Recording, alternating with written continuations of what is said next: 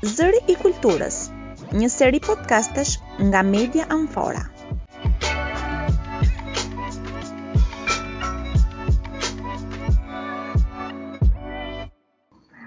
Përshëndetje dëgjues të amfora.al, sot jemi në podcastin numër 5, tema që do të trajtojmë sot titullohet Sono Persone, janë njerëz.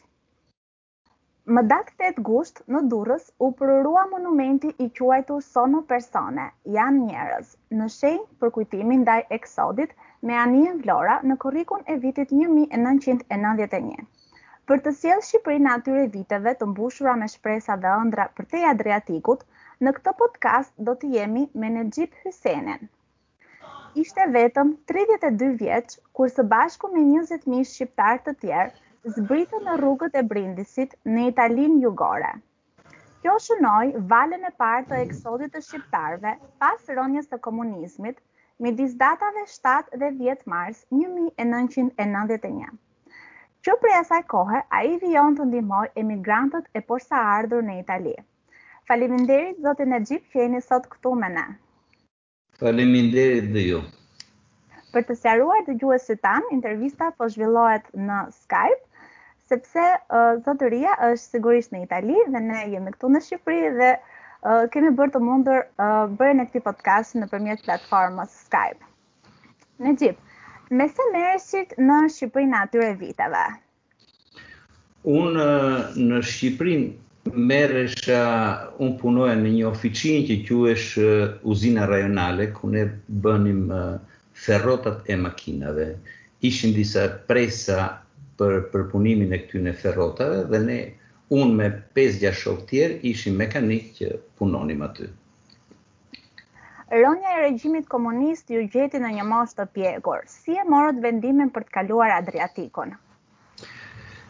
Vërtet na gjeti në një moshë të pjekur, po ne kemi jetu gjithmonë me ato vështirësitë e atij regjimi.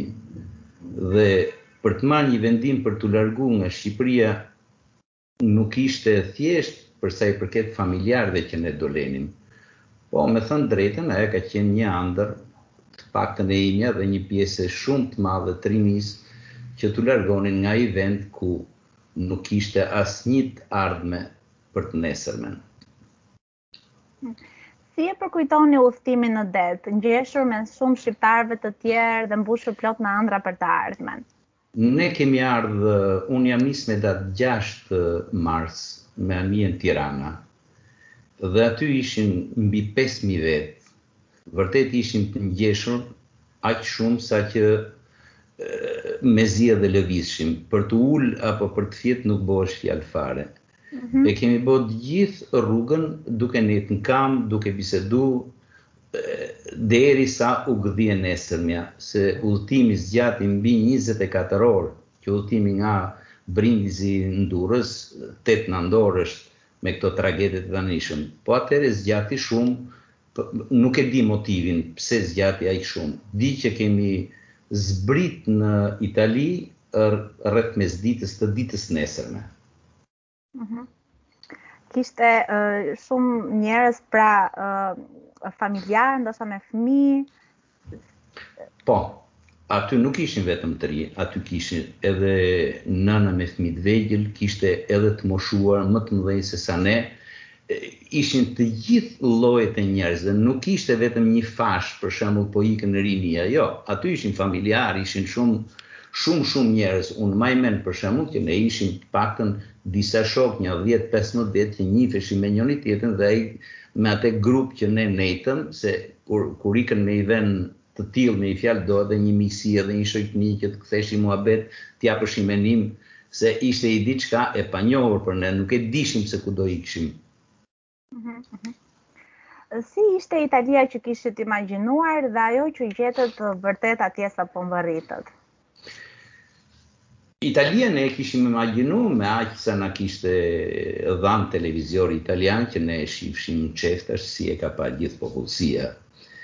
Vërtet, unë isha me i moshë të pjekur dhe natyrisht reklamat që jepte Italia që ishin shumë të bukra nuk mund ta kujtoja realitet dhe e dija që nuk do të ishte ajo lloj reklame që paraqitesh. Megjithatë Italia kur ne zbritëm dhe e Pamë nga ana e portit, për arsye se ne zbritëm në një shesh shumë të madh që tashi nisën tragetet dhe Brindizin e kishim përballë. Ishte diçka shumë e bukur. Ne Shqipërinë e lamë pa drita, e lamë në errësinë, kur arrinte ora shtatë, tetë nuk mund të kaloje se ishte komplet errësinë dhe kur pamë ato drita aq të bukura nga ajo distanca e anës tjetër, na u duk një mrekulli për ne.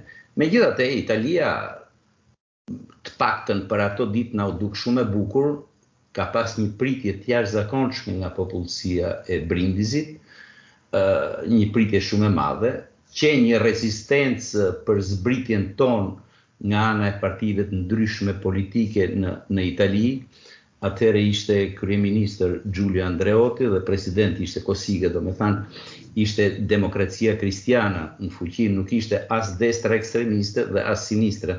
Kështu që pati disa vështirësi për zbritjen tonë, saqë ngelën dhe disa orë në traget, megjithatë më në fund morën vendim që ne të zbrisim edhe zbritëm ke ai shesh i madh.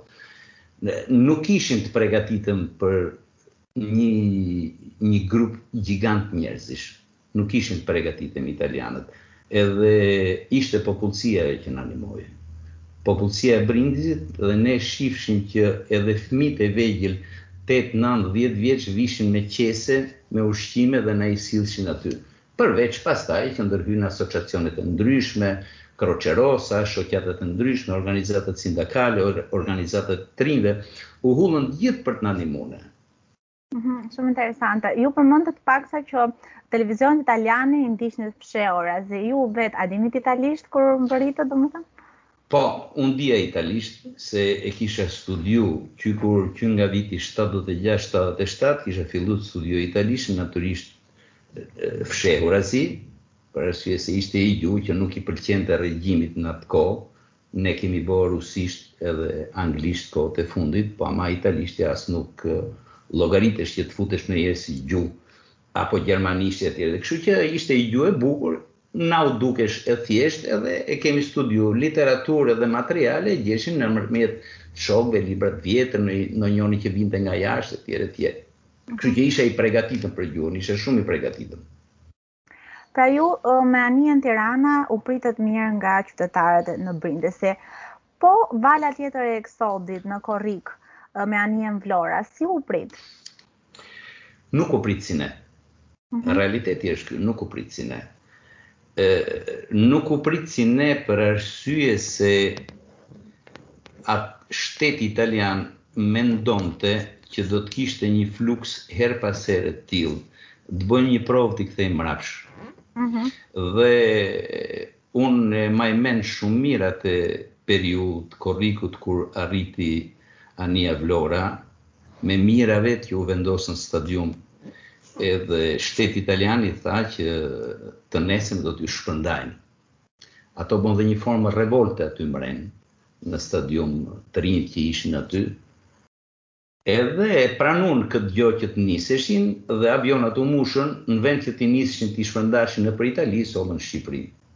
Mhm, mhm. Kjo ishte një një diçka jo e drejtë për sa i përket atyne për arsye se një person që arrin në një shtet me me ligjet europiane dhe ligjet që ishin n'fuqi duhet t'i jepshin të drejtën për kërkesën e azilit politik.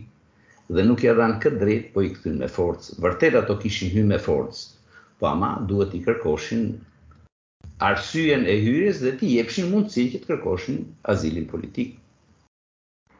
uh, ju nuk mbetët vetëm një emigrant, por uh, shumë shpejt u kthyet edhe në ndihmuesin e tyre. Si nisi angazhimi juaj me Konfederatën e Përgjithshme Italiane të Punës? Atëherë kjo konfederatë quhet CGIL. Në Itali janë tre konfederata të forta që kanë rreth 9 milion anëtarë në gjinë e vet, që është CGIL, CISL edhe UIL, këto tre sindakatat që janë sindakata 100 vjeçare. Ishte një rastësi, nuk ishte një diçka që unë isha i pregatitëm apo i pilotun për atë vend. Në ate mori gjigante njerëzish që masi zbritëm ne që arriti edhe një anije tjetër panameze që zbriti edhe ajo rreth pesë gjashtë mijë vetë, ne u bomë ke ai shesh aty mbi dhjetë pesëmbëdhjetë mijë vetë. Dhe shumë organizata kishin ardhë aty me ndihmat e vete. me njerëz, me materiale, me ushqime, me të gjitha, edhe ndihmoshin këto njerëzit. Ndër këto ishte dhe organizata sindakale ku unë jam tashi, CGIL.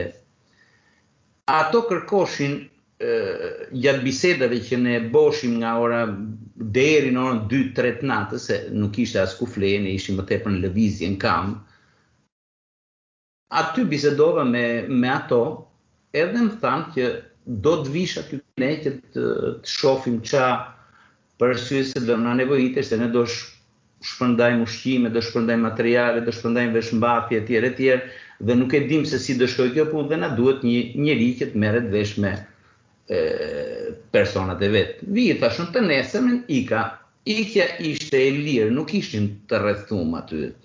Vërtet kishte policë atje, po mund të lëvizshë lirisht. Nisem të nesërmen dhe shkoj aty ku ishte ky personi. Ky ishte një impiegato një nënpunës i CGIL-së. Më mori dhe më çoi ke sekretari i përgjithshëm, që tashi nuk është mo se ka vdekë kanë kalu kaq vite. Dhe që aty pastaj filloi puna jonë. Ku konsistonte puna jonë? Ne të gjithë personat që ishin aty u shpërndanë nëpër shkolla. Të gjithë shkollat u mbyllën dhe u kthyn dormitorio për shqiptarët. U vendosën dysheqe, të gjitha gjonat, edhe ne shkoshim në të gjithë këto shkollat dhe shifshim dhe flisshim me njerëzit ça nevojash kishin, ça problemesh kishin, ishin gjatë shpërndarjes nëpër shkolla, baba kishte ngel këtu, mama me i vend tjetër, fëmija me i vend tjetër, krijum lidhjet e këtyne familjeve me anë të formave tona, me megafona, me duke fol në radio, duke diskutu, bo një program apostafat, Dhe më mrapa, mas pesëmbëdhjetë ditëve të shkollave, të gjithë shqiptarët u shpërndanë nëpër kampet, kampet që tashi përdoren për plazhe, vene plazhi, të gjithë u vendosën gjithë shqiptarët aty deri në muajin gusht. Gjatë gjithë kësaj periudhe, Italia është gjithë pjesë bregdetare, kështu që kampe kishte shumë, Distanca nga Brindizi ke kampi më i lartë ishte rreth dyzet kilometra, ne shkoshim ke të gjithë këto kampet, edhe u ktheshim pastaj stamposhim fletushka në dy gjuhë. Fletushkat pak a shumë thoshin këto gjona, Që kujdes nga shiringat që do shifshin rrugë, kujdes nga personat që mund t'ju ofronë i punë, hapni sytë ke vajzat, pse gjona me i fjalë qetësuse për njerëzit, kush ka nevojë të thërrasi ke ky numër, kush ka humbë fëmijë të na lajmërojë, kush nuk gjen dot familjarët e vet na lajmërojë, këto gjona boshim ne duke shku nëpër kampet, Mirëpo, do shkoje nga i kamp ke kampi tjetër, do bisedoje, ishin diskutime të ndryshme, problemet që ato kishin, dhe kjo punë vazhdoi deri në gusht. Mas gushtit pastaj, gjatë kësaj periudhe deri në gusht, ne bom një akord me Ministrinë e Punës që të pajisim të gjithë njerëzit me libreza, U bo ky akord ndërmjet Çixhielës dhe Ministrisë Punës dhe ne kemi, unë mund të kem mbush me mijëra libreza pune për shqiptarët dhe ja shpërndashim. Dhe e dyta pastaj kode fiskale, boshim kode fiskale, u lidhëm me agjencinë e entrate, boshim kode fiskale edhe permesot e soxhornove pastaj që i paraqisshim kuesturë njerëzit. Kjo ishte puna. Masi u shpërndan nga muaji gusht që u shpërndan nëpër gjithë Italinë, atëherë Çixhiela vendosi që të krijojë këtë zyrë emigracioni. Në Brindizi mbetën mbi një mijë e pesëqind dy mijë vetë dhe u kriju kjo zyrë emigracioni që është edhe sot e kësaj dite. Zyra e emigracionit aktualisht me i fjalë është në ndihmë të gjithë stranierëve dhe kështu ka qenë gjithmonë jo vetëm e shqiptarëve. se këtu ka diverse nacionalitete të ndryshme, ka marokinë, ka kinezë, ka tunizinë, ka senegalezë e tjerë e tjerë, ganezë, janë shumë nacionalitete. Dhe kjo zyrë është pikë referimi për sa i përket gjithë stranierëve që ndodhen në Brindizi edhe provincat e Brindizit. Mhm. Pra, ju trajtoni një sektor të dedikuar drejtave të emigrantëve sot. Si e keni parë emigracionin e shqiptarëve të bashkatdhetarëve tuaj në ndër vite në Itali? Shqiptarët në periudhën e 91-92 deri nga 94 kanë vazhdu të vijnë me mënyrat nga më të ndryshmet, me skafe, me forma tjera, u, u krijun pastaj format e lidhjeve familjare, për arsye se lidhja familjare kishe disa kondicione, duhet të kishe punë, duhet të kishe shpi, duhet të kishe një rrogë të lartë për të bo lidhjen familjare dhe ishin këto vështirësi. Kështu që gjeshin këto format e, e vjetë, e, e klandestine për të ardhë. Mas nëntëdhjetë e katrës pastaj ky lloj fluksi u eliminu, ose u zvogëlu shumë. Të gjithë shqiptarët që kanë ardhë n'Itali, ne jemi popull që punojmë, nuk jemi popull që rrimë durkryq. Aktualisht janë me qindra e qindra ndërmarrje të krijume nga shqiptarët. Shumë pak ose hiç mund të kenë qenë shqiptarët që kanë nejt nëpër semafore për të kërku elemozina, për të kërku lekë. Shqiptarët kanë punu gjithmonë tashi kanë kalu tridhjetë vjet dhe ke shqiptarë që janë imprenditorë të fuqishëm që kanë ble shpia, makina, kanë dërgu të gjithë fëmijtë nëpër shkolla. Pra këtë lloj mundimi që ato kanë bo dunë edhe t'i japin një pikësynim për të paktën për fëmijët. Vërtet ka pas edhe anë negative ku disa kanë bo edhe delinkuencën e tjera e tjera, po ama nuk ka, ato kanë qenë një rast, raste të vogla siç ka çdo vend për shembull format e veta të delinkuencës, edhe në Itali ka delinkuentë, edhe në Itali është Sacra Corona Unita, apo format e ndryshme të mafjes, po ama italianët janë njerëz shumë paqësorë, të paktën për ne që jetojmë këtu edhe shumë mikpritës. Mhm, mhm. A vijon emigracioni i jashtëm të jetë një sfidë për Italinë. Italia